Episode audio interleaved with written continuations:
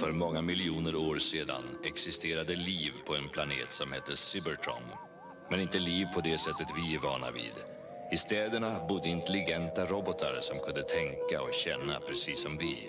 De kallades autobotter och deceptikoner. Men de brutala deceptikonerna hade bara ett mål. Totalt herravälde.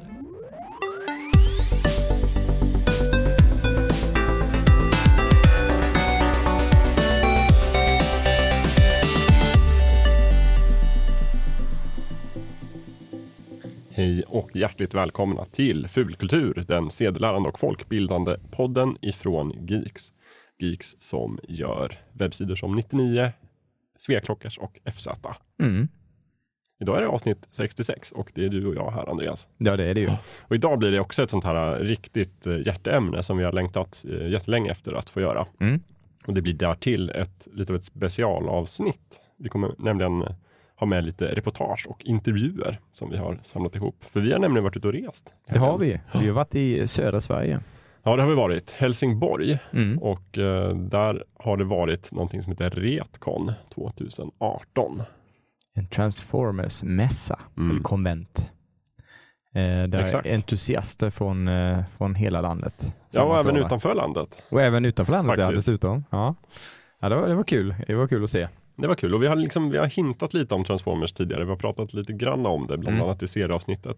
Det har väl kommit fram att både du och jag har väldigt, väldigt eh, nära förhållande eh, sedan barndomen med Mm. de här eh, förvandlande robotarna. Därför var vi väl väldigt, vi ville väldigt gärna åka och hälsa på där på Retcon. Mm. Det vore en väldigt rolig grej att göra. Hur, eh, vill du säga någonting om det till att börja med? Eh, det var ju väldigt kul att få träffa likasinnade. Eh, och, och sådana som har levt inne i Transformers-bubblan aktivt under, under tid när jag har kanske varit lite ifrån det. Mm. Eh, jag var extremt Transformers-besatt eh, när jag var liten Ja. och sen föll lite ur det eh, under tonåren och eh, av och till eh, fallit tillbaks in i det. Eh, men nu på senare år har jag igen kommit in och blivit eh, lite så här smått besatt. Mm. Och det var kul att prata med andra som också har den här besattheten den här, för den här Transformers-kulturen och universumet som finns runt det. Mm. Ja, det, det är verkligen fandom i sin liksom, äkta form Mm. någonstans. Jag tyckte vi träffade både, vi pratade ju med, med ganska många människor där. Och det Mm. var ju både, dels var det många som hade lite samma berättelse som du. Att så här, men jag var väldigt inne på Transformers när jag var liten. Och Mm. sen har det avtagit lite ett tag. Och sen har jag kommit tillbaka. Mm. Och andra var mera så här, nej men jag har aldrig slutat någonstans. Och att, att samlingen jag har, det är samma samling av, av Transformers-robotar som jag hade som barn. Fast Mm. jag har byggt på den. Medan andra var mera så här, kanske mera där jag är, att jag har slutat. Jag läste mycket Transformers och lekte med Transformers och sen så försvann det några år där. Och sen har det återuppstått. Mm. Eh, kanske lite med hjälp av, av internet och sådär, där man kan hitta likasinnade. Mm. Men jag tänkte vi kan väl börja lite med att prata, kanske bara mm, bli lite personliga. Ja. och berätta om våra egna Transformers-minnen. Mm. Sådär, var började vi och, och vad? För om man in, absolut inte känner till Transformers, vilket jag tror är, det är osannolikt att tänka sig idag. Även om de finns ju kvar liksom i någon form. Mm. Vi har de här fruktansvärda spelfilmerna till exempel, eh, som Michael Bay gör. Som vi inte nämner. Nej, nu nämnde jag dem ändå. Men, men precis. det är ändå många kanske tänker på Transformers och då tänker de på det. Mm. Och, och andra vet kanske att det är, det är gamla leksaker från förr i tiden. Men det var ju ändå en, en, en franchise som fanns i många, många olika former. Mm.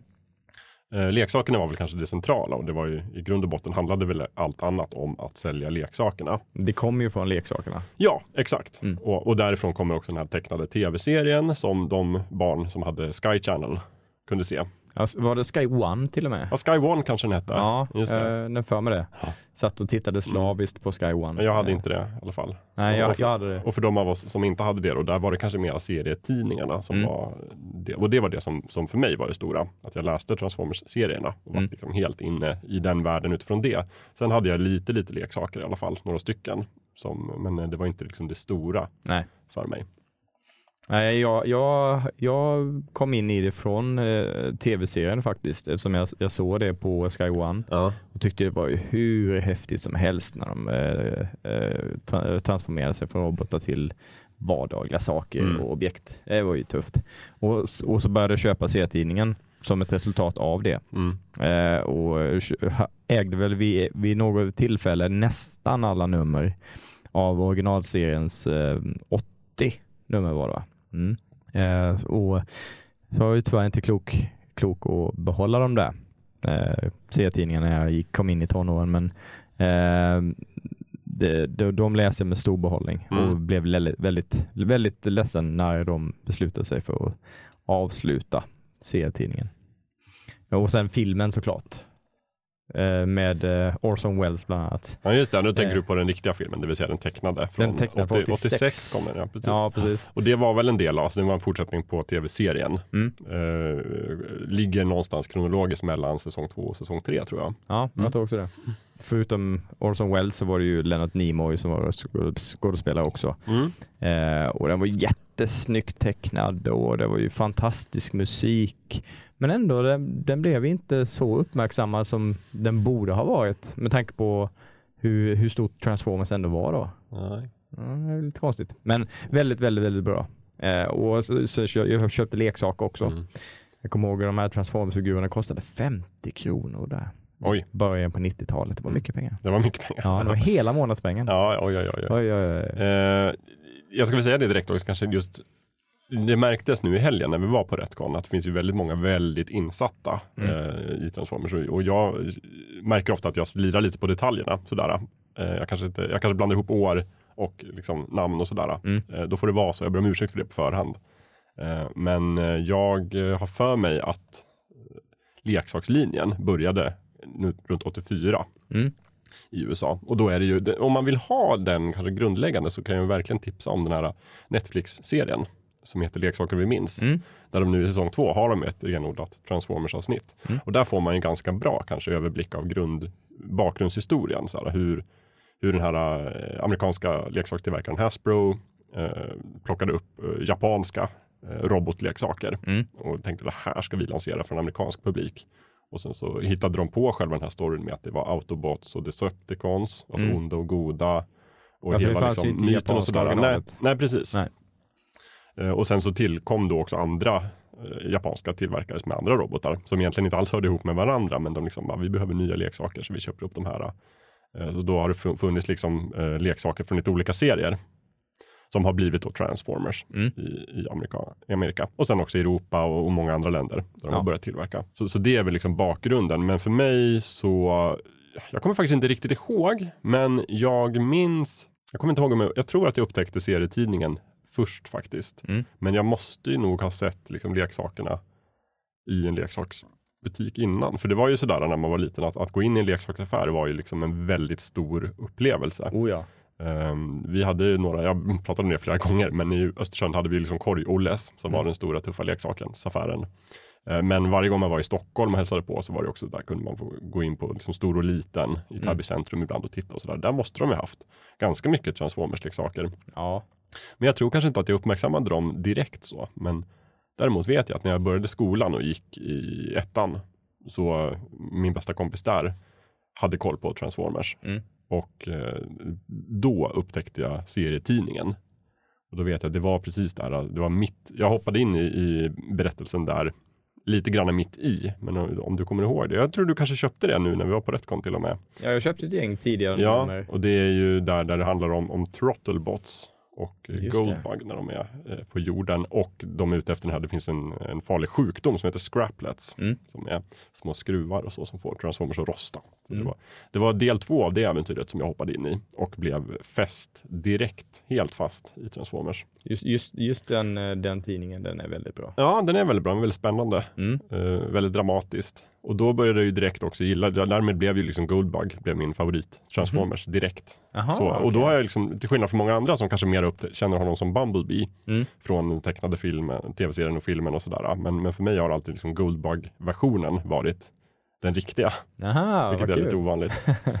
Eh, för sen blev han ju Bumblebee igen då i Mm. serien som jag alltid tyckt att Goldbug är lite tuffare. För jag har alltid identifierat mig väldigt mycket med, med just Goldbug. Mm. Men vilka var dina favoriter eh, utöver Goldbug då? Oj, oj, oj. Det var ju, ja men var, dels var det Goldbug då, eftersom att han var den karaktären jag kom i kontakt med först. Mm. Men sen efter det också när jag började liksom önska mig att få en del leksaker och sådär. Då i serietidningen så var det en story som hette, handlade om Power Masters.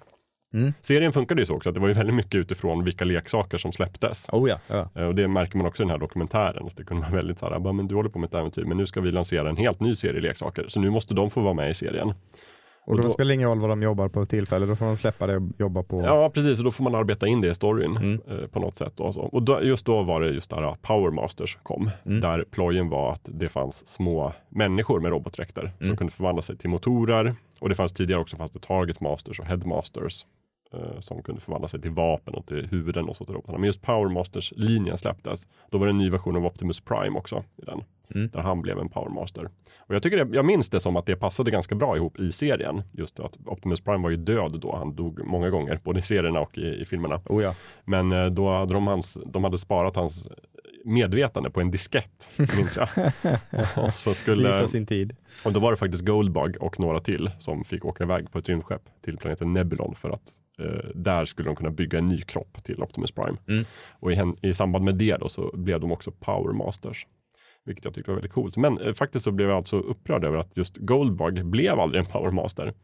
Och det fattar jag ju nu att det har att göra med att han, det var ju ingen leksak med Goldbug som Nej. var en Power Master. Men i serien så förklaras det bort lite bara av att nej men han behöver inte det.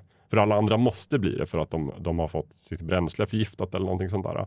Men just Goldbug, han var liksom, hans roll i storyn var inte det, att han behövde bli en sån och så. Då vart jag alltid lite sur. Eh, Men däremot så fick jag då eh, roboten Joyride. Som jag också såg nu på Retcon, jag visade dig den Mm, mm, mm. leksaken blir en häftig racerbil. Och han är en Powermaster och den fick jag, det var min första Transformers som jag fick. Eh, Mhm. om, eller om jag fick köpa den för födelsedagspengar eller någonting sånt där. Jag tror den kostade mer än 50 kronor faktiskt. Jaså?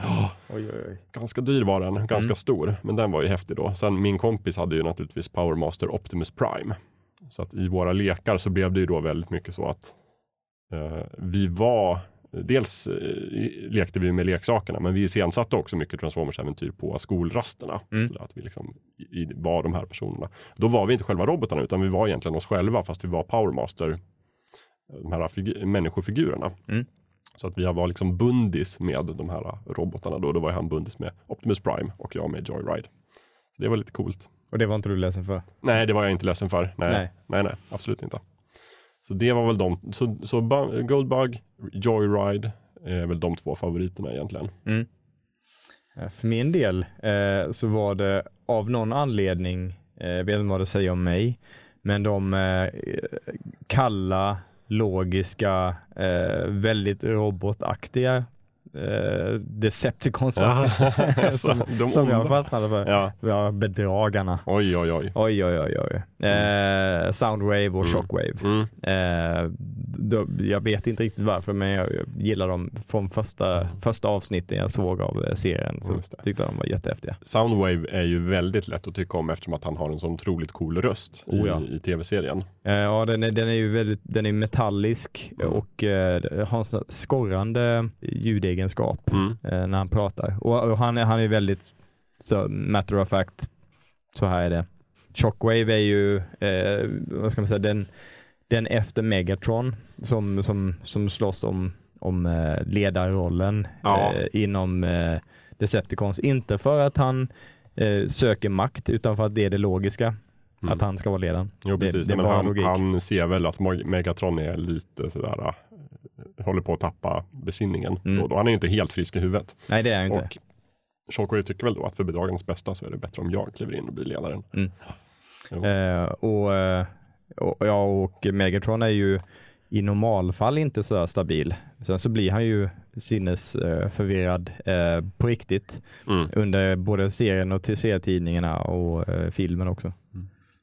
Jo, det finns ju också många, liksom, alltså, även om den tecknade tv-serien och eh, tecknade serien eh, skiljer sig åt helt och hållet Mm. så är det ju väldigt mycket, det är samma typer av stories lite Ja. granna. Även om det är lite olika personlighet på det. Jag menar den tecknade tv-serien är lite mer barnvänlig skulle Mm. jag säga. Serietidningen är också ganska barnvänlig men blir kanske lite mörkare och mörkare. Mot slutet ja. Ja, särskilt mot slutet när då eh, Simon Furman tar över. Honom har vi nämnt tidigare. Mm. Och han är ju den som jag verkligen, det var då jag lite grann, annars hade jag nog, för, för när han tog över som, som manusförfattare så hade jag väl lite grann slutat leka med leksakerna. Mm. Men själva tidningen levde kvar. Och själva liksom leksakskedjan var väl också lite grann på väg ut för. Mm. Um, men, men just att han, jag märk, minns då att liksom just manuset och berättelserna tog en sånt, ett sånt lyft. Mm. Att det fick ett helt annat djup och liksom, han fördjupade karaktärerna väldigt mycket. Mm. Och lyfte fram också andra som, som inte hade fått så mycket utrymme tidigare. Mm. Och liksom utforskade dem, till exempel Grimlock. Var ju också en sån här som är en av Summer Furmans egna favoritkaraktärer. Ja. Och han fick, i, i tv-serien då, då är han ju liksom Jättedum. närmast efterbliven. Ja. Han kan prata. Och liksom en- Grimlock. Ja men precis, Mm. han kan inte prata i, i riktiga ordsatser. Nej. Och i, eh, i serietidningen har han ju li, alltid varit lite smartare. Men inte haft så mycket personlighet. Han har varit ganska så här, jag vet bäst och jag tänker styra autobotterna och lite Mm. sånt där. Och ganska grym. Men, men i Summer Furmans version så får han ju liksom ett helt annat djup. Och, så han fick ju jättemycket uppmärksamhet där. Och några andra eh, figurer som, som Furman verkligen gillade. Ja, men överlag så kom det ju många intressanta storylines eh, senare när Furman eh, introduceras Mm. till, eh, till serien och började teckna. Ja. För det, det som ska sägas är väl också att han hade ju jobbat med Marvels Transformers-serier i Storbritannien. Mm. Där de hade haft en mycket tätare utgivning som gett ut mycket material som aldrig den amerikanska publiken fick läsa. Och det var ju därifrån de liksom rekryterade honom sen. Mm. Att, och då hade han ju skrivit mycket om många karaktärer eh, tidigare Mm. om den. Och många äventyr liksom, som han sen plockade upp och liksom infogade i huvudserien. Om man ska säga. Ja, Marvel UK fick ju göra en del eget i väntan på eh, att det skulle komma nytt från USA. Eh, och de gjorde ju, som du säger, mycket väldigt bra egna saker. Ja, precis. Och de där finns ju också återutgivna. Och du hade med dig några och läste på tåget. Mm. Vet jag i alla fall. Eh, Marvel UK-serien. finns jättemycket bra eh, återutgivna album. Mm. Så där kan man verkligen läsa. Om man vill liksom ge sig in i serien Transformers så tycker Mm. jag det är ett måste faktiskt. Target 2006 är ju väldigt bra. Den gillar eh, om, om man kan få tag på den. Eh, det är ju Mm. en eh, UK-utgåva, samling. Eh, den, den rekommenderar jag varmt. Mm. Den är jätte, jättebra. Just det. Och någonting de gjorde där var ju också just att de infogade lite grann. För som du säger, den tecknade långfilmen hade haft premiär. Mm. Så att han, Simon Furman tog ju väldigt mycket karaktärer från, från den filmen. Mm. Till exempel då Galvatron Mm. och, och Unicron.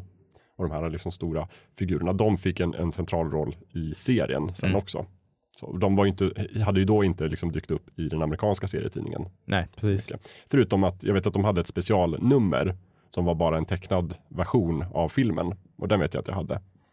Och där var det ju väldigt så här, vad, vilka är det här, vad är det här för karaktärer? Ultra Magnus, vem är det? Galvatron.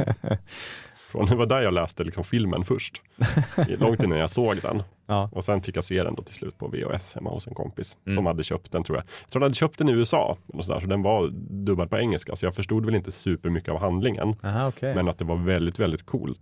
För då får man komma ihåg att jag hade liksom inte sett så mycket av tv-serien. Nej. Det var också väldigt, jag var utlämnad att se liksom på hans typ inspelade videoband. Eftersom att han hade, hade Sky One. Mm. Och sådär. Ja, för jag kommer inte ihåg när, när, den, när serien började sändas på, på svenska i Sverige. Nej, jag minns inte heller. Jag, för jag tittade på den amerikanska så det, jag brydde mig aldrig om att eh, följa den i, i Sverige. Men då fick du inte de svenska dubbade rösterna som var så underbara. Nej men jag har, ju, jag har ju köpt den i efterhand eh, och sett eh, hela, hela serien på, eh, på DVD-skiva. Så jag har ju kollat igenom eh, den på, på svenska på, på DVD i efterhand. Eh, och jag får ju säga att jag hade nog inte uppskattat det då. Men nu i vuxen ålder så kan jag ju skratta åt alla eh, uttryck eh, Ja. och formuleringar de har på svenska. Det är ju jätteroligt i vissa fall. Eh, jag kommer ihåg, det, det, någonstans så säger ju eh, Megatron någonting till Star, Starscream i stil med ja, Megatron, eller Starscream. Din eventuella kunnande överskuggas helt och hållet av din enorma dumhet. Den tycker jag är så skönt. Burn. Burn, Mm. ja, ja, den, Ja, är, den, är, den är bra. Ja men precis. Annars är det väl svårt att konkurrera med just de, de engelska rösterna. Det Ja. var liksom Frank Welker som Megatron och Peter Cullen som Optimus Prime. Som Mm. är odödlig röst. Ja. Verkligen. Och han har gjort alla Optimus-rösterna sen. Även i nyare serier och i filmerna. Fast han var tvungen att eh, ansöka om, om att bli röstskådespelare Ja. till filmen. Han fick göra filmerna. audition. Audition, Ja. ja. Vilket lite lustigt. Ja, det gick bra i alla fall. Så, att, det var väl kul. Eh, har, du, har du spelat några av spelen? Ja, det har jag. Men inte så många. Jag hade min kompis, eh, en annan kompis, hade en Commodore 64 på Mm. den tiden och där fanns det ett Transformers-spel som vi körde. Där man kunde köra, jag tror man var Optimus Prime, men man kunde nog välja lite olika. Mm. Eller om man var Ultra Magnus kanske. Ja, i alla fall, man förvandlade sig till en lastbil. Och sen så var man i robot och då kunde man också flyga i Mm. robotform. gick ut på gå runt och, och panga Decepticons. Tyckte det var väldigt coolt då, mest för att det var Transformers. Ja. Ehm, sen så på senare år har jag väl kört de här eh, War for Cybertron och Fall of Cybertron Mm. som jag tyckte var okej, men inte superbra. Nej, jag blir aldrig förtjust i någon av dem nu- på nya på 360 och Playstation 3-generationerna. Jag tyckte de var, ja, det var hyggliga actiontitlar. Mm. Och jag ägde ingen Commodore så jag testade aldrig det spelet eh, heller när det begav sig. Men eh, det här Playstation 2-spelet som, som bara kallades Transformers, men The Game. Mm. Men det var ju en del av eh, Transformers Armada. Eller det, det var baserat på den, den serien i alla fall. Mm. Eh, med de här minicons. Ja, just det. Och det var någonting som kom efter egentligen. Då hade jag slutat med Transformers Mm. eh, på det sättet. Eh, Men det var alltså, det är en helt ny kontinuitet och nya berättelser och nya, lite nya karaktärer också. Ja, precis. Eh, Armada, det, det gick väl också på, på svensk tv. Jag tror det är på TV4 faktiskt. Ja, mm, mm, mm. Men, eh, men det var ju lite mer, det var ju ganska barnvänligt och då var ju jag ändå vuxen så tyckte jag att äh, det var inte så bra längre. Eh, men det spelet var väldigt bra. Mm. Eh, det blev jag glatt överraskad. Då kom jag tillbaks lite i Transformers-läget igen. Men är det Ja. det du brukar kalla som, som Prelude to Energon? Ja, precis. Det, det, det hade också den titeln, Transformers Armada Prelude to Energon. Ja, okej. Energon.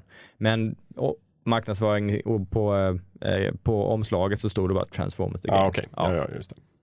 Eh, det var jättebra. Och sen det här eh, Transformers Devastation eh, som kom till PS4 och Xbox One. Mm. Ganska, det, det är ett kort spel och det har kanske inte världens djupaste eller bästa handling. Men det har ju den här eh, G1-estetiken. Eh, så här första generationens ursprungliga tv-serien, serietidningarna. Mm. Den, den grafiska stilen. Eh, och sen spelmekanik, eh, fighting-system från de fenomenala Platinum Games. Mm. Eh, det hade jag stor behållning av. Det var väldigt roligt, trots att det var ganska kort och kanske inte jättespännande handling så. Ja. Eh, men för den som vill få en injektion av den där gamla G1-estetiken så kan Mm. jag rekommendera det spelet. Mm. Jag har bara sett lite klipp och bilder från dem. Det ser ju väldigt läckert ut. Just att den, det är väldigt cell-shaded grafik. Det ser verkligen ut som den här gamla tecknade tv-serien. Mm. Eh, jag tror att vi ska lägga in en, ett litet klipp här. Vi var ju som sagt i Retcon i helgen. Och Mm. Då fick vi bland annat tillfälle att prata med, med två personer. Eh, den första är Johan Boström som är eh, koordinator på Retcon. Också lite av en eldsjäl skulle jag vilja säga. Mm. Det var väl genom honom som jag fick upp eh, ögonen för att Retcon ens skulle bli av så att säga. Så att vi fick eh, tillfälle att sätta oss ner med honom och ta en liten pratstund just om Retcon. Så vi ska ta och eh, lyssna på den intervjun nu. Mm. Då vill jag bara först gardera mig med att säga att vi sitter då i en hotellobby här så att om det är lite krattigt ljud så eh, ber vi om ursäkt för det. Men jag tror att ni ska i alla fall höra vad Johan och vi säger. Det tror jag med. Då sitter vi här utanför Retcon på Good Morning Hotels i Helsingborg och vi har äntligen fått tag på Johan Boström här. Du får berätta själv vem du är och vad, du, vad din roll är här idag. Ja, min roll här då. Jag, eh, jag är ju någon slags koordinator för, för eventet. Vi är flera stycken som är med och, och anordnar det här. Eh, Och eh, vi är åtta stycken kan man säga i huvudteamet. Och sen är väl jag den sammanhållande spindeln i nätet. Den rollen har väl jag. Ja. Så utan dig funkar inte det här. Eh, Det hade säkert funkat jättebra men jag, jag som har tagit på mig just den rollen och, Ja. vara den. Kanske jag tycker det är kul, jag vet inte. Vara lite projektledare eller sådär. Hur har det gått idag då? Nu är klockan närmare fyra och det har varit igång några timmar. Det kommer fortsätta några timmar till. Eh, hur känns det? Eh, över förväntan. Ja. Alltså, fantastiskt roligt. Eh, det är ju andra året vi kör. Vi, har ju kört, vi körde förra året också just själva Retcon. Eh, historiskt sett om man backar lite där så några av de som är med i vårt team har ju anordnat konvent, Transformers-konvent förut i Norden. Så Peter och, och Martin och Lars och, och Dennis har, eh, de anordnade väl det, det första, då kanske inte Dennis var med, men de anordnade det första 2007 eller något sånt där, kanske inte ännu tidigare. Eh, och sen anordnade de ett lite större i Uppsala 2011. Som hette Auto Assembly Europe som var en slags spin-off på Auto Assembly som är Europas största transformersemester Mm. kan man säga. Som, ligger då i, eller som eh, sker i Birmingham. Mm. Inte nu längre för den är nedlagd men den har förändrats och blivit ett TF Nation så det finns fortfarande en sån stor mässa kvar då i, Mm. i Europa. Men eh, de, de gjorde Auto Assembly Europe i eh, Uppsala 2011. Eh, och min, jag skulle egentligen åkt dit men min, en, ett av mina barn var väldigt små och sen blev det aldrig av. Ehm, ja, och sen så var jag 2014 så var jag på riktiga, riktiga men på Assembly i Birmingham helt enkelt med familjen. Eh, Det Okej. var 30-årsjubileet av Transformers så jag tänkte jag Ja, måste göra något. ja, just det. Så jag åkte dit och sen tyckte jag det här är helt fantastiskt. Varför har vi inte något sånt här hemma? Ja. Mm. Så, och sen så rullade det på därifrån helt enkelt på något sätt. Mm. Och det här är andra året nu som ni kör i Helsingborg? Ja. Retcon. Precis. Mm. Eh, Första gången var i förra året och andra, andra gången i år då. Och sen, sen vet vi inte framtiden eller sådär. Vi, det är ju inget... Vi, vi gör ju... Ingen av oss gör ju det här i någon slags vinstsyfte eller, eller något sånt där. Utan det, allting sker ju helt ideellt och eh, vi lägger ner jättemycket tid på, på, på att få det att gå runt. Mm. Eh, eller så. Så att det är ju hela tiden den där avvägningen. Ja, man har arbete, man har familj, man måste hinna med alla grejer. Men samtidigt liksom styra med det här. Mm. Ja, det märks ju verkligen att det är väldigt passionerade människor här. Sådär. Men om man tänker i stort, liksom, hur mår Transformers-franchisen idag? Så det känns som, eller för oss i alla fall, så tror jag det är väldigt mycket en barndomsgrej, 80-talet och sådär. Men den lever vidare, eller hur ser det ut? Ja, det får man väl säga. De här sp- spelfilmerna som Michael Ja, just det, Bay de hade jag glömt bort. Ja, ja, Bayformers som, som kallas. Alltså det drar ju på något sätt in en ny skara människor kanske i det här. Ja. Eh, som började få upp ögonen för vad Transformers var. Sen ledde det till att de kanske upptäckte att jaha, det finns mycket, mycket mer i, i mytoset av, av Transformers. Så, så jag har dragit in massa, massa nya fans. Man kan ju tycka att, mm, vad man vill om filmerna men de har ändå liksom fått in mer fans på något sätt. Men eh, upp till, upplever du att de kommer hit för att de är fans av Bay, Bayformers Nej, eller nej, att det, nej. den gamla skolans... Ja. Ja, det är väl lite, jag skulle vilja säga att det är väl... Idag är det, här är det nog väldigt få som är liksom inne på Bayformers. Mm. Folk som är här eh, är nog här antingen för G1 då, antingen den gamla tv-serien eller de gamla serietidningarna. Eh, eller Beast Wars eller, eh, eller Transformers Prime kanske var ju den tv-serien var rätt stor för några år sedan. Mm. Så att det är nog mer de delarna i sådana fall som folk är, är intresserade av. Även om det säkert finns några stycken som är fan av, av, av spelfilmerna här. Det. Men, men det ni sa där om, om liksom, det här med att förnya och sådär. Så har ju IDW-förlaget då, de förnyade ju hela konceptet på något sätt. Och när de startade upp eh, tran- och gav ut Transformers-serier för eh, 13-14 år sedan. Mm. Ehm, även det handlar ju om de gamla G1-karaktärerna men i en ny version så att säga. Ja, just det. Eh, och det är därför då Nick och James som är här, och Eric också, eh, våra gäster. Eh, Eric Holmes, James Roberts och Nick Roche är ju alla professionella serietidningsförfattare och tecknare som har då gjort, varit med och skapat det här IDW. Eller rättare sagt, de, de tog, kom in i mitten av IDW-universumet och har fört det framåt till nu när det kommer att sluta faktiskt till hösten. De, Mhm. de stänger ner det nuvarande universumet Oj. nu. Sen så blir det något nytt efter det. Ja. okej. Spännande. Men Vet du om det fortfarande kommer vara G1 då eller blir det någon helt ny version? Vi vet ingenting. Ingenting, vad spännande. Mm. Mm. Om man tänker så här, du själv och Transformers, liksom, hur kom du in i, i Transformers-världen? Var det serierna eller var Ja. det liksom leksakerna? Eller? Nej, det var serierna. Ehm, mitt första nummer var nummer 7, 1987. Som innehöll uh, Shooting Star, heter den tror jag. Ehm, ett eh, nummer skrivet av Bob Budansky och sen var det också... Ett, jag minns inte vad det andra delen i det numret vad det heter men det Transformers träffar Bruce Springsteen fast han hette... Ja, just det. Springstern eller något sånt där. ja. Eh, Det var mitt första nummer. Och, mm. Och då på svenska? Ja, på svenska. Ja. Och det var liksom på något sätt, wow vad är det här? Så jag fortsatte läsa serien. Eh, Men jag hade, nog, jag hade nog tappat intresse ska jag säga, någon gång på vägen. Om det inte hade varit för Simon Furman. Mm. När han kom in och tog över den amerikanska serien. Och man bara wow, det här är något helt annat. Eh, vi i Sverige visste ju inte att han hade skrivit Transformers UK, massa serier där. Ja, precis. Han jobbade i England Ja, med den precis. Han skrev utgivningen. ju, och de, de är ju fantastiska de serierna. Ja. Har man inte läst Transformers UK så måste man kasta sig på det materialet. Det är helt fantastiskt. Men vi fick ju väldigt lite av det. De översatte några serier här och där och sådär. Men, men vi fick inte så mycket av det. Så, men hade det inte varit för, för Furman så hade jag inte varit intresserad av serier. Och hade det inte varit för, för Simon Furman så hade ju varken Nick Roche eller James Roberts eller Eric Holmes gjort Transformers-serier på något sätt. Nej. Så att, precis. eh, ja, han har varit viktig. Ja, ja verkligen. Hur, eh, vad tycker du om den nya serien han gjorde för några år sedan? Det var Regeneration One. Ja, Vilken är ja, fortsättningen för- på den gamla serien? Jag tyckte att det var, var kul att han och, och Andrew uh, Wildman att de fick avsluta vad de egentligen hade tänkt att göra. För att eh, när Unicron-sagan tog slut med nummer 76 i USA så, var det, så fick de bara att nu, vi kommer, nu kommer vi avsluta, vi stänger ner vid, vid nummer 80. Och de hade ju planerat liksom 20 nummer framåt. Ja, Så de fick liksom bara kondensera ner storyn till fyra nummer. Och det är därför de sista numren kanske känns lite hopp, hopp, hopp, hopp. det går väldigt snabbt där i Ja. slutet i alla fall. Ja. Eh, och nu fick de ju ändå på något sätt eh, chansen att avsluta sin historia, vilket känns... Vad kul. Mm. Har du några personliga favoriter inom eh, Transformers-världen?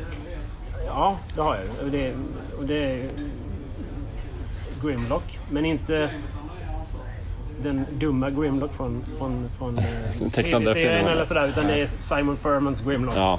Alltså han är ju någon slags, jag brukar alltid se honom som någon slags antihjälte, ja, någonting åt Wolverine-hållet liksom. Så. Som, I alla fall som, Furman, som Furman skriver. Mm. Precis. Jo, Furman gör ju, han ger ju dem väldigt mycket karaktär, kanske ett djup som inte fanns där tidigare tycker Ja. jag, och som absolut inte finns där i den tecknade. Så det får man väl säga att han Ja.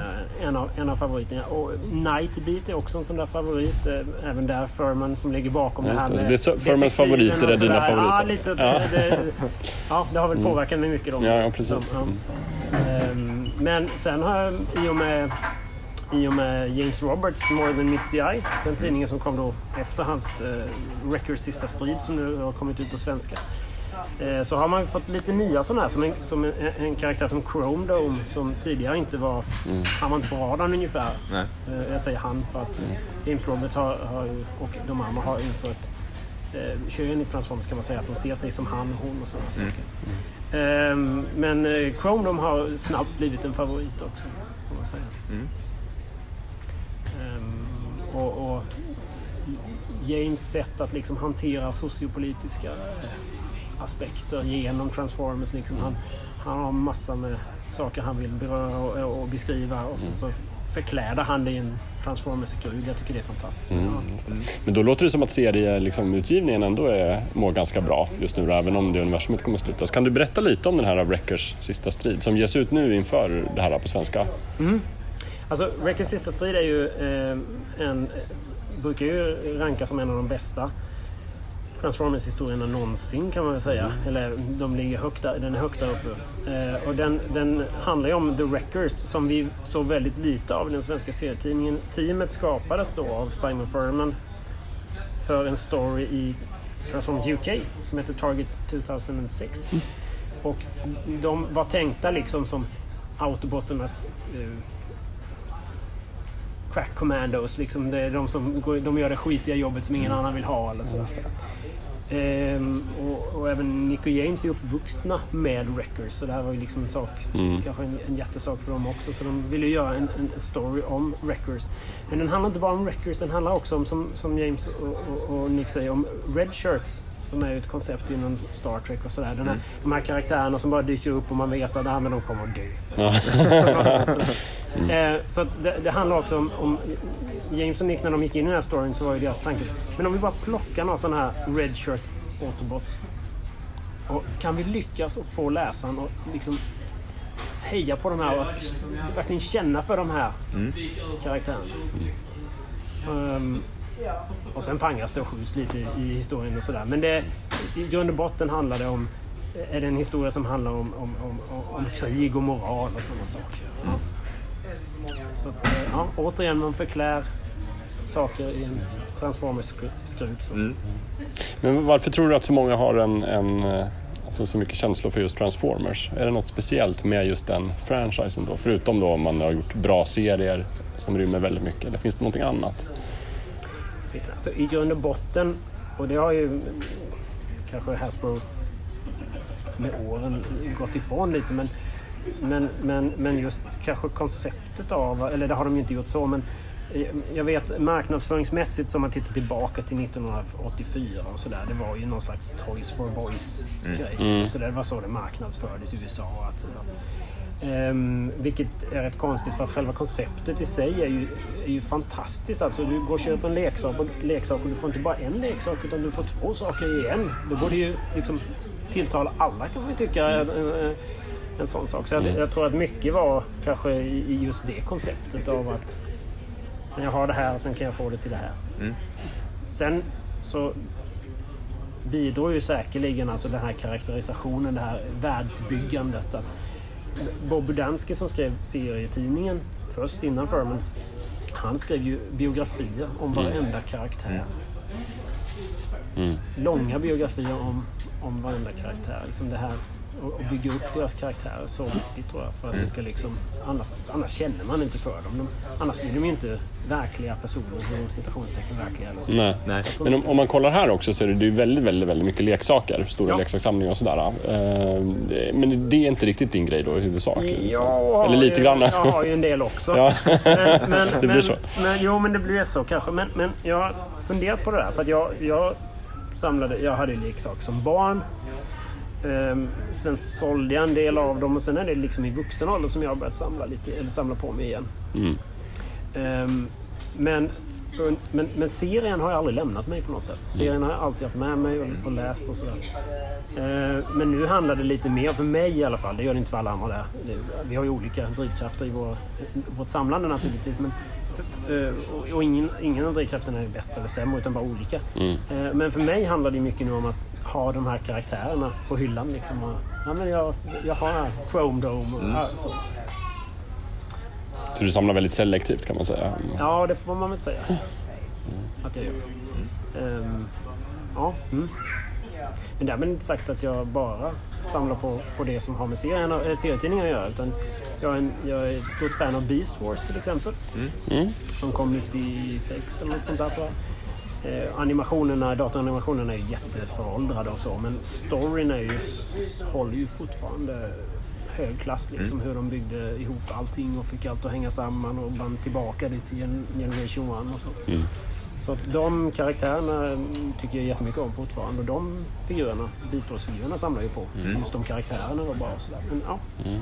Du får berätta lite om Beast Wars. Är det en direkt fortsättning då på liksom de här klassiska figurerna? Eller är det ett helt nytt universum? Ja, det, ja, det där var ju lite... Eller är det, där är lite rörigt? Det där är lite rörigt så kanske. Men det, när, när, när, när den datoranimerade tv-serien kom 96 så så var den ju, från början så hängde den kanske inte ihop alls med eller som, som tittare så hängde det inte ihop alls. Sen så, man visste inte vilken planet de hade landat på ens. De var tvungna att ta eh, dinosaurier och djurformer för att inte då påverkas av, av energi, den höga energihalten på planeten. Mm. Så för att skydda sig så gjorde de men sen så började det förändras på vägen. Nu ska jag inte lägga in för mycket spoilers här. Det är visserligen en gammal serie men någon kanske vill titta på det. Men saker och ting sker under de här tre säsongerna så helt plötsligt så kommer det lite sådana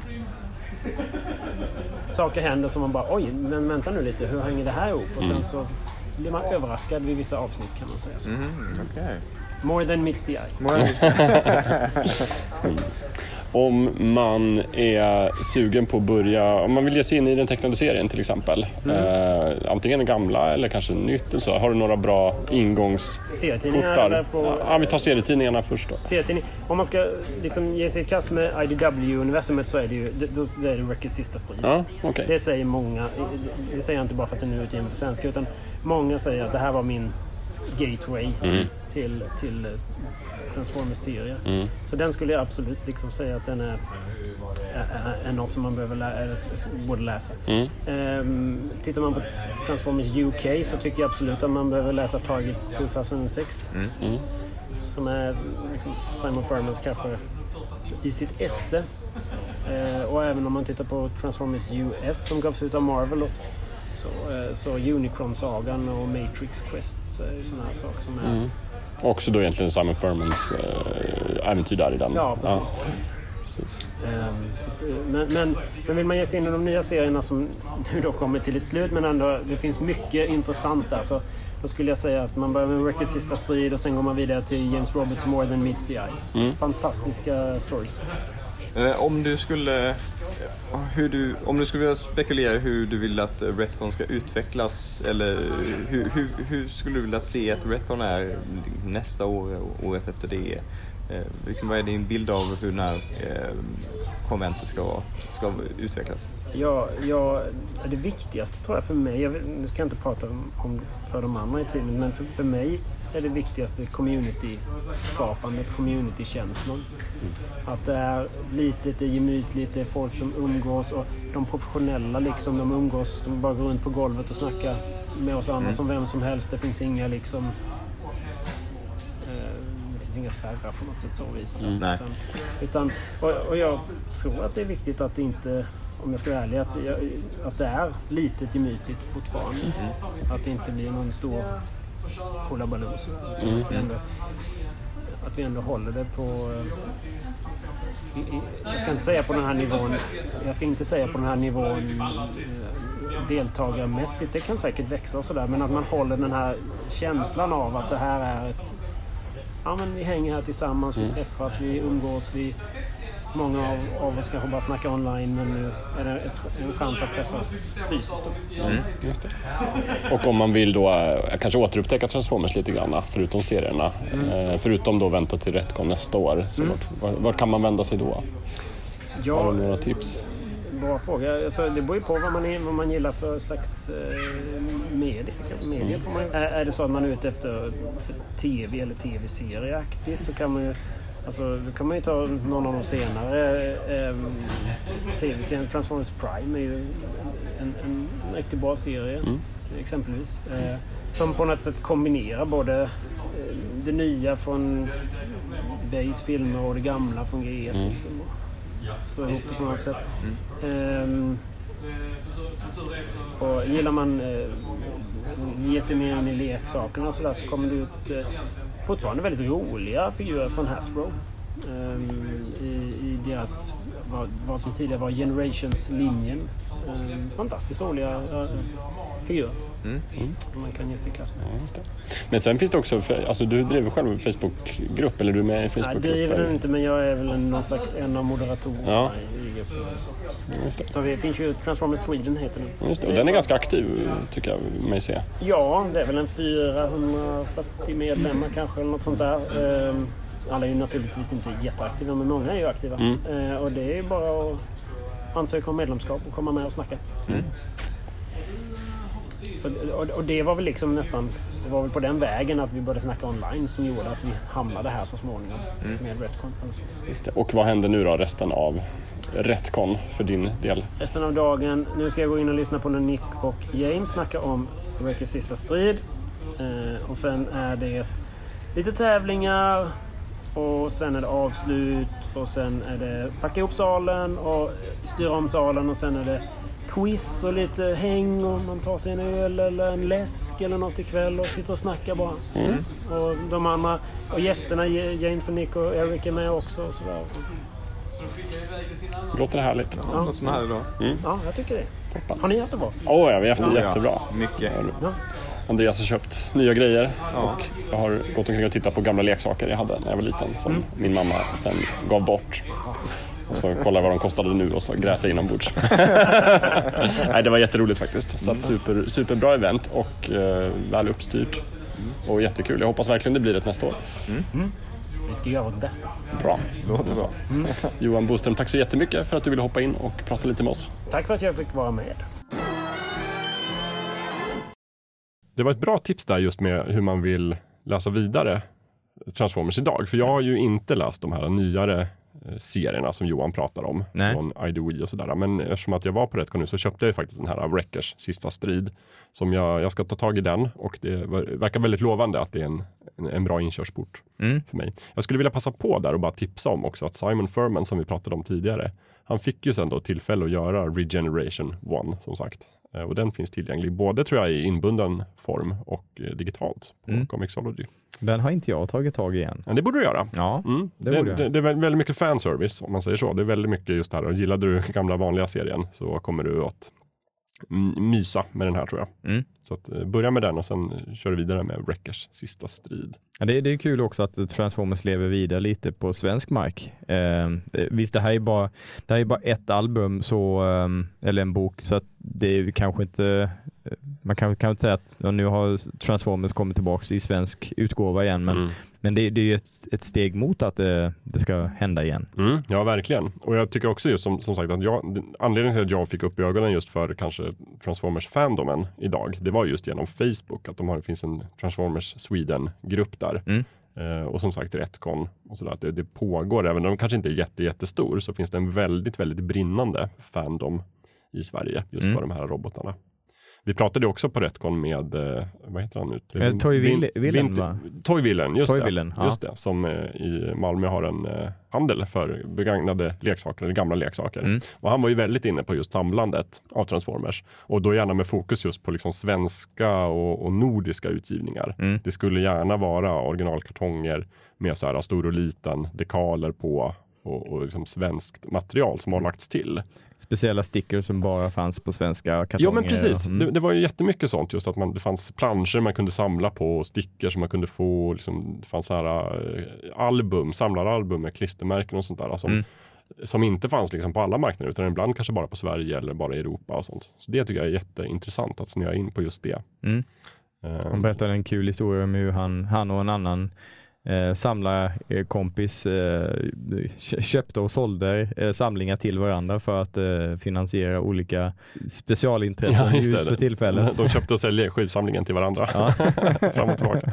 Det kan vara roligt. Ja, ja det, var, det, var, det var flera sådana väldigt trevliga och roliga människor. Mm. Och är man intresserad av Transformers så kan det ju vara en anledning till att åka ner till eh, Retcon bara av den anledningen. Mm, precis. Samtala med andra och höra deras historia. Ja, och vi hoppas väl att det blir en nästa år då. Då kan vi ses där allihopa. Mm. och se. Ehm, vi länkar också till allt det vi nämner ska jag väl säga. Nu, vi lägger upp det i länklistan som vanligt. Bland annat då har uh, Toyvillen har ett jättebra Instagramkonto Mm. man kan följa. Eh, men om man säger så här då, nu för tiden. Hur ser din liksom, Transformers status ut?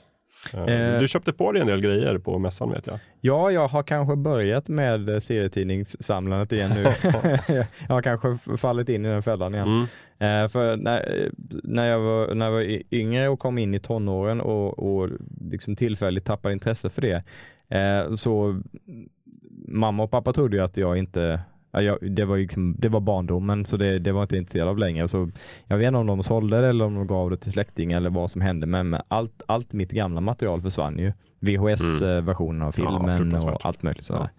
Ehm, så på senare år, jag, jag har ju köpt, eh, jag har köpt spelen eh, och jag har, jag har köpt enskilda album så när jag har stött på dem. Eh, men det är inte, inte jättemycket. Mm. Ehm, så, så mitt samlande har varit väldigt begränsat eh, och jag har, jag har sparkat igång det nu. Så jag, jag köper allting, som, allting Transformers-relaterat i spelväg. Eh, i, I filmväg har jag inte riktigt velat det, men hade det varit bra filmer så hade jag ju så hade jag gjort det. Eh, jag, kommer nog, jag kommer nog sparka igång mitt samlande mer nu än vad det har varit de senaste 20 åren. Mm. Det har ju varit begränsat skulle jag säga.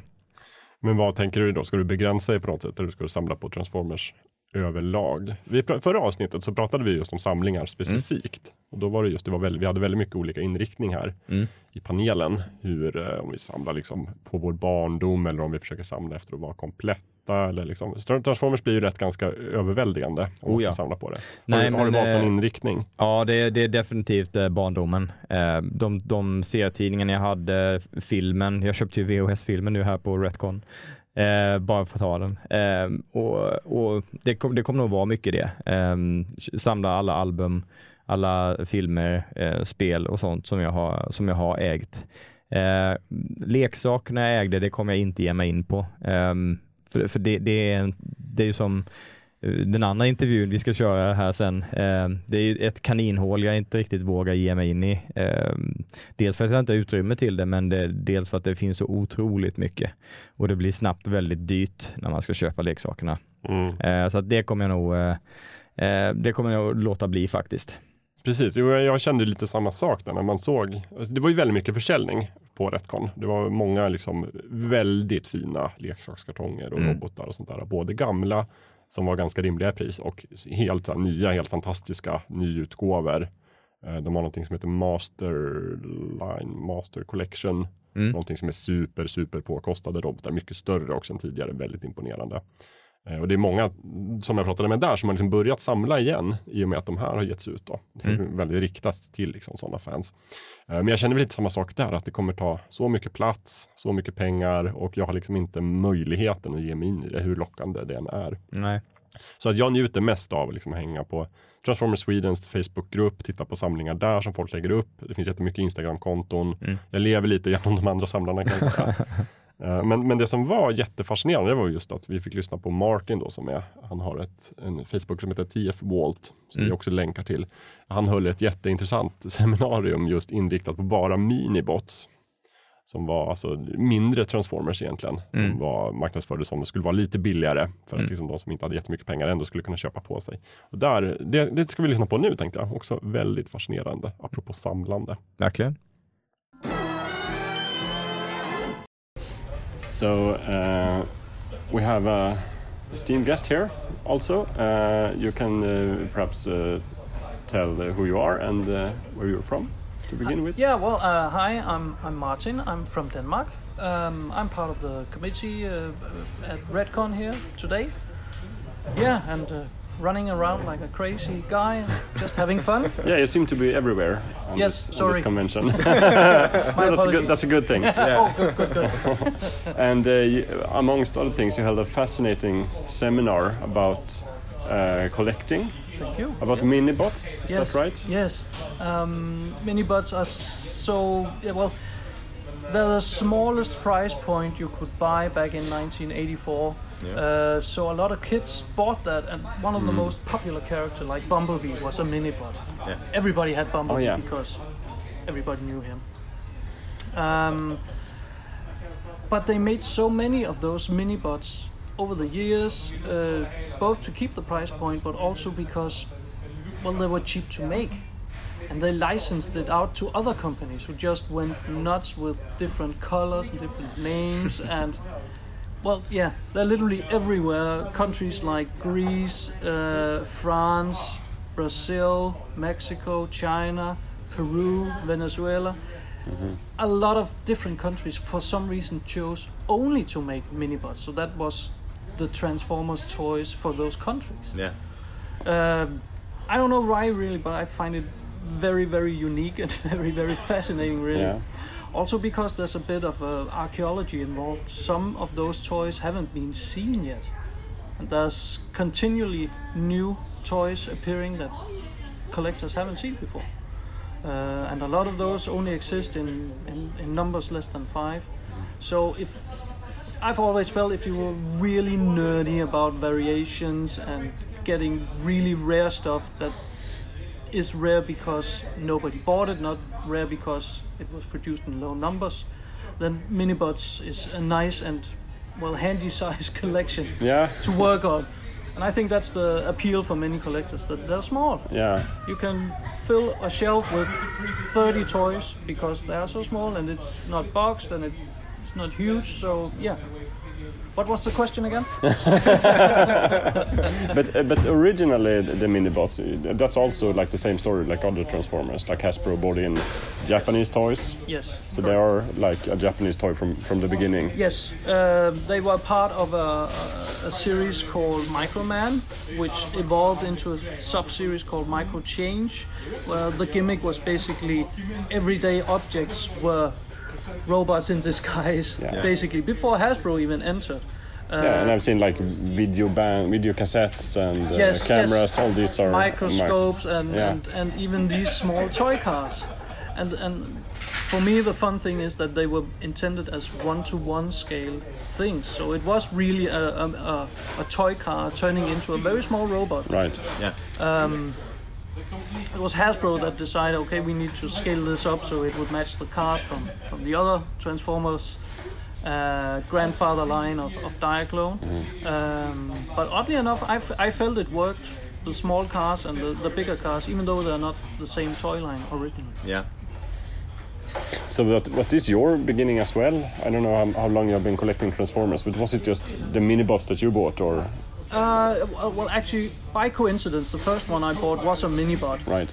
back in 1987 or something, and I've been collecting ever since. Uh, but it was around 2001. Yeah. I, by chance, got a hold of a South American minibot, and I was like, "This looks really interesting," because it was such a weird color. Yeah, Uh, it was a, a wind charger. He's usually red with a grey torso. Yeah. This guy was all white with a grey torso, and Right. I, I felt the colors were nice on him. It worked better than the original. yeah, Yeah. So I started looking into what toys were known, and um, well, yeah, and it was just a rabbit hole of pain and misery, digging out all those variations, and Yeah. I'm still not done, and I don't think I, I'll ever be because, yeah, like I mentioned, new stuff is coming out, uh, being discovered, uh, and those are getting exceedingly more rare and sought after. They're Yeah. very, uh, there are a lot of collectors. Yeah. Specifically, only going for minibots. right. Yeah. So they're not so cheap anymore. No. No. do, you, do you know how many you have at the The moment? minis? Yes. Um, well, at, um, at some point, I had the idea I wanted to collect every variation on just Wind Charger because, well, he was the first real variation I Yeah. got. Mm-hmm. So f- of him in different colors, I have about 50, Okay. and then I have all the rest. That's probably 60. so yeah, I probably have about 100, 120 just minibots, and and a lot of them are the same, and a lot of them have only a variation in their stamp. You know where it's produced. And some are wildly different, completely different colors and stickers, and some parts have been changed. Yeah, it's crazy, but it's fun. It's Yeah. fun. It's kind of manageable, you know, Yeah. because of the size, and also because of the tight knit community just around that. Yeah. But like you mentioned, there there are some that haven't been discovered, and you don't know if they they ever will be. How do you go about trying to unearth the undiscovered ones?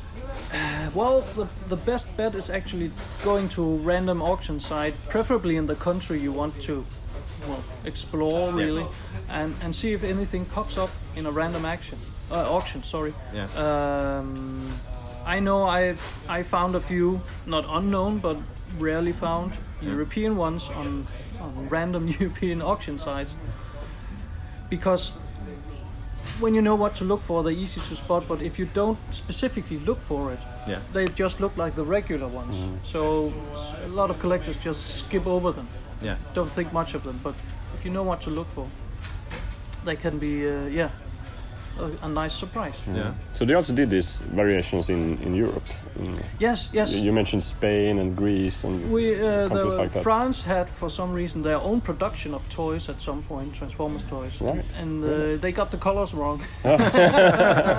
but those make for yeah more neat variations. Yeah.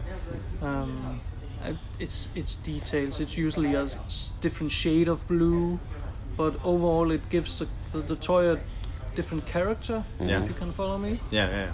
Yeah. But the toys that we bought in, in like in Sweden and Denmark, for example, are these are the originals, or are, are these variations as well? I think a lot of those French ones came to, Oh, really? to Scandinavia, uh, as far as I can see. Um, the early days, I know this for Denmark, I'm, I'm fairly sure the same goes for Sweden, that we mainly got toys made for the European market up until around 1988, and then Yeah. we got American toys Right. and by yeah by when that started it all got generalized you know it's that way it's supposed to look uh, i think hasbro knew about all the various production companies around the world but just went ahead and said stop because they was they could see that they were doing it wrong Yeah. Yeah. uh, Okay. so, they put an end to that Yeah, but, but so these were like pirate editions. They were not no official. no they, they were, were official. official Okay, yes right. uh, i think they didn't know how big of a juggernaut Ah, of a okay. success it was. So Yeah. In order to recuperate on on their expenses, they licensed it out. Yeah. Right. to uh, other companies. But uh, yeah, they closed that down by yeah 1987 or so. Yeah. And then, of course, you, you mentioned also like all the, the reissues and the, the remakes and everything. That is still going on. True, true. Um, uh, especially Takara Tomy in uh, Japan, the company who makes uh, the toys over there, uh, are very uh, aware that, that people love minibots. so with about five years intervals, they, they push out a, a, a new batch of reissues. And sometimes they just tweak them a little bit so they become interesting for, for us geeks as well. And for you personally, uh, is there like a holy grail that you're looking for at the moment? Or is it something that you haven't unearthed yet? Or is there a specific box that you are like, Yeah, yeah. Um, I have one I would like to get to complete a subset of, of, of variations, and that's a that's a yellow and blue variation on, on, on Wind Charger. But I would also like to discover a new one. Um, that could be fun. that Yeah. could be fun. Right. And if you are like new and you're just now realizing that, oh, this miniboss thing, that's a good thing. Where, where should you start? Well, I, What I would suggest getting the, the the original 18 that Hasbro did for the main line uh, globally. Yeah, and there, there we have like Bumblebee and Bumblebee the and famous Cliff guys. Jumper, yeah. yeah. all the famous guys from the cartoon and the Yes. comic book, uh, and they're easy to find. Like I said earlier, th- those were the cheapest ones you could buy. Every kid had at least five of Yeah. those, so they are out there and easy to find. Yeah. How, how much did it cost back in the day? I've seen price tags of about three dollars Right. US. Yeah. So that's Yeah. affordable. Yeah, and Yeah. I think in Denmark there were 40 kroner or Mhm. 50 kroner, so Yeah. possibly something like that in Sweden as well. Yeah.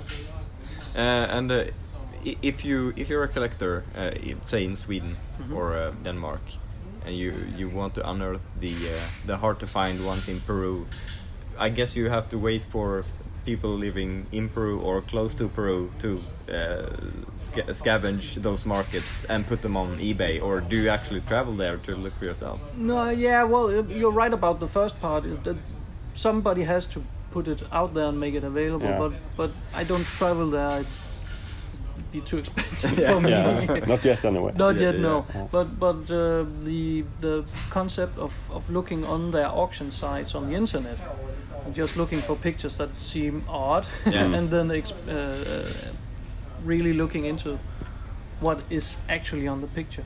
That's that's the way I do it. Yeah. Uh, I do have contacts by now in the various countries uh, to help me find if I ever need something specific. Yeah. They are close to the markets and, and can get to it. So yeah, that's a good thing. There's a lot of uh, community about it now, and a lot of collectors, a lot more than 10, 15 years ago. Mhm. Yeah. But it's safe to say that that eBay is your main tool, or Uh, no, It is wouldn't- actually? No, No? no. eBay. Hmm, eBay tends to get too expensive. Yeah. Just to put it bluntly, uh, because there's too big an audience of potential buyers on there. And when a seller puts it up there and knows what it is, they jack up the price. Yeah. Understandably so. I would too. Hmm. But no, most of my purchases are through network, networking uh, groups or relatives or yeah, getting directly to the source and not paying eBay fees and stuff like that. Yeah. so we were talking to Johan earlier about the, the other things about the Transformers universe, like the comics and the, the animated series. Is that something you have a relation to, or are you mainly focused on the Minibot collection? Um, I'm mainly focused on toys, on the toy aspect in general. Minibots is just part of it. I also Right. look specifically at European toys and toys released in Scandinavia and toys Mhm. released in Denmark. so uh, I- I'm a toy guy mostly. I've seen the cartoons, I've seen, I've read the comic books, but it's not my main No. focus. Uh, yeah, I'm the toy geek in the, in the group. Thank you, Martin, so much for, for talking to us. Yeah, And sure. uh, I hope you have a, a great evening at Retcon. Thank you, and I hope you have too.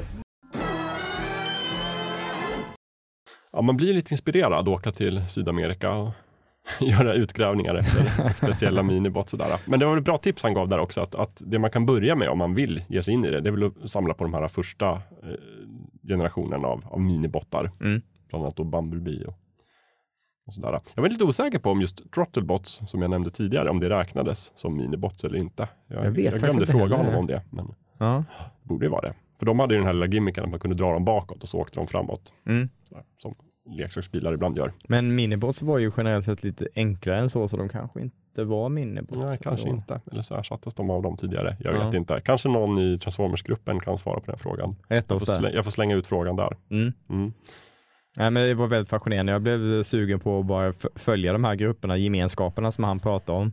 Eh, bara för att det, är så- det, är så, det är så inspirerande att lyssna på honom. Eh, hur, engagerad han är och hitta i alla de här olika varianterna med olika färgnyanser Mm. eh, som, som den enda särskiljande egenskapen mellan Mm. fem olika varianter av samma minibot. Mm, ja, verkligen. Och då är också det, då är det just det här minibottarna var det han pratade om nu så att säga. Men han Mm. verkar också ha många andra samlingar på gång. Så Oh ja. Det är verkligen fantastiskt att se hur mycket, ändå, alltså det här vi handlar, det handlar om liksom gamla leksaker och sådär, att det finns så mycket nostalgiska minnen till det och jag känner det också och du Mm. också. Så det, det, det finns någonting där som, som lever kvar. Jag tycker det är väldigt coolt. Jag funderar mycket på det. Mm. Så här, varför bryr jag mig så mycket om de här robotarna som jag lekte med som barn? Om det handlar just om att ja, men det för att det var min barndom eller finns det någonting mer där? För det finns ju många andra leksaker jag lekte med där jag inte alls har samma starka känslor kring det. Mm. Så att det, det fanns ju någonting där om det var i, liksom, i berättelserna i serietidningen eller om det var just där minnen av att kolla på den tecknade serien eller liksom om det är någonting annat. Men, Ja, jag, för, för min del, jag tror att jag, jag var ju väldigt besatt av just robotar som liten. ja. Eh, Jag tittade ju på Turtles och alla möjliga serier och, är ju, och jag är ju nostalgisk runt om också. Mm. Men det är inte riktigt på samma, sak, samma nivå som med Transformers. Mm. Jag tror det beror på dels för att jag var väldigt robotbesatt Mm. och att det faktiskt var många väldigt bra stories. Eh, väldigt fascinerande stories. Mm.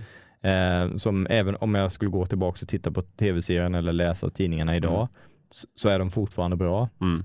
Betydligt bättre än vad många, vad många andra var. Mm. Liksom Turtles och He-Man och allt vad det var. Ja, Eh. Transformers, eh, jag tyckte nog ändå att de, de höll en högre nivå Mm. eh, generellt. Mm. Ja, precis. Jag tror för min del, jag, det jag kommer fram till är väl just att det är mycket, alltså det, det fanns ett, ett bra grundverk i liksom, det var bra leksaker. Mm. Eh, just att man kunde förvandla sig, det var jättecoolt. Det var en bra serie, det var en bra tecknad serie.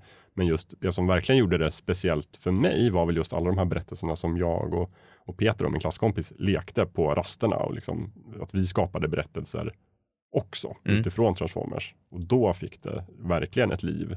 Och det är det jag tänker tillbaka på. Liksom, att, men jag, jag har varit Goldbug, liksom, eller jag har varit med i de här berättelserna. Ja. Vi har skapat dem själva och det var ganska avancerade stories. Liksom.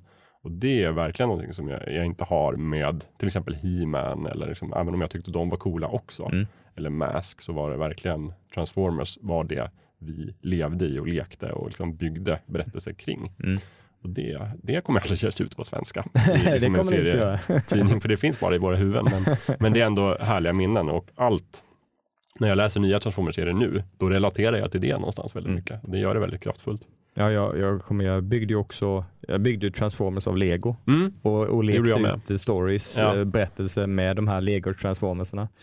Mm. Eh, och eh, Constructicons var ju någonting som jag tyckte var jäkligt tufft. Eller eh, olika robotar som satt ihop sig och blev större robotar. Ja, alla combiner, Alla combiner robotar var det fanns jättemycket. Men, men eh, Constructicons verkar ha fått någon sån särställning. Ja. Ja. Jag såg många av dem nu på Retcon. Ja, men de, de var väl en av de tidigaste Ja. varianterna så det är kanske därför folk har fastnat mest Mm. för dem.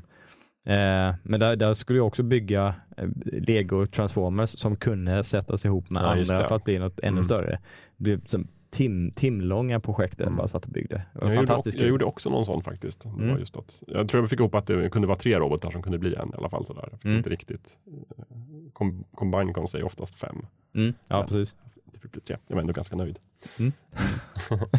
Just det. Men jag skulle väl, jag tror vi håller där faktiskt för det här avsnittet. Men Mm. det känns som att vi har liksom bara gluttat lite på Transformers. Det finns möjlighet kanske att återkomma till ett senare avsnitt och dyka ner kanske på djupet i antingen serien eller liksom det som Simon Furman har gjort eller någon, någon av de här tv-serierna kanske eller Mm. leksakerna eller Ja, vi har inte pratat så mycket om de olika avyttringarna, eh, vi sidospåren eh, som har skett. Nej. Och sen kanske det sker någonting längre fram. Eh, det har ju ryktats om den här eh, Bumblebee eh, Transformers-filmen. Ja. Som förhoppningsvis inte ska ha Michael Bay eh, inblandad, eh, Ja. kan man ju hoppas på. Lite kommer det nog ha det. Ja, säkert. Han kommer vara där. Ja, producera. Han ska väl producera, men precis. Ja. Men eh, så det kan ju komma, finnas fler anledningar till att Mm. dju- djupdyka i det här ämnet igen och det Mm. skulle jag gärna göra. Ja men precis, så det tror jag vi får återkomma till. Men eh, vi har i alla fall fått eh, ge lite utlopp för våra känslor inför helgen på Retcon som var en Mm. helt fantastisk eh, mässa. Jättetack till alla som har anordnat det. Mm. Eh, Både Johan, Martin och alla andra som, som har drivit i det, för det drivs ju helt ideellt. Ja. Och de hade en aktion där också, alla de pengarna gick till Barncancerfonden. Så att, fantastiskt engagemang, jättekul att få vara där. Mm. Och eh, alla ni som lyssnar som eh, kommer på att just det, Transformers, världens coolaste grej. Gå in i Facebookgruppen och kolla i vår länklista för tips om hur ni går vidare. Mm. Och börja läsa, börja titta och börja samla igen. Det tycker jag. Ja det tycker jag. Jag har fått blodad tand i alla fall. Ja, jag med. Toppen. Då så. Och sen så är Fullkultur tillbaka om två veckor. Eh, Och då blir det sista avsnittet faktiskt innan sommaruppehållet. Vi ska ha ett sommaruppehåll den här sommaren. Vi ska ta lite sommarlov. Men eh, vi är tillbaka om två veckor eh, med ett ordentligt sommarspecial. Där vi ska tipsa hej vilt Oj, oj, oj. om allt. Mm, det blir kul. Så då hörs vi då. Det gör vi. Mm, tack ska ni ha. Tack, tack. Hej hej. Hej.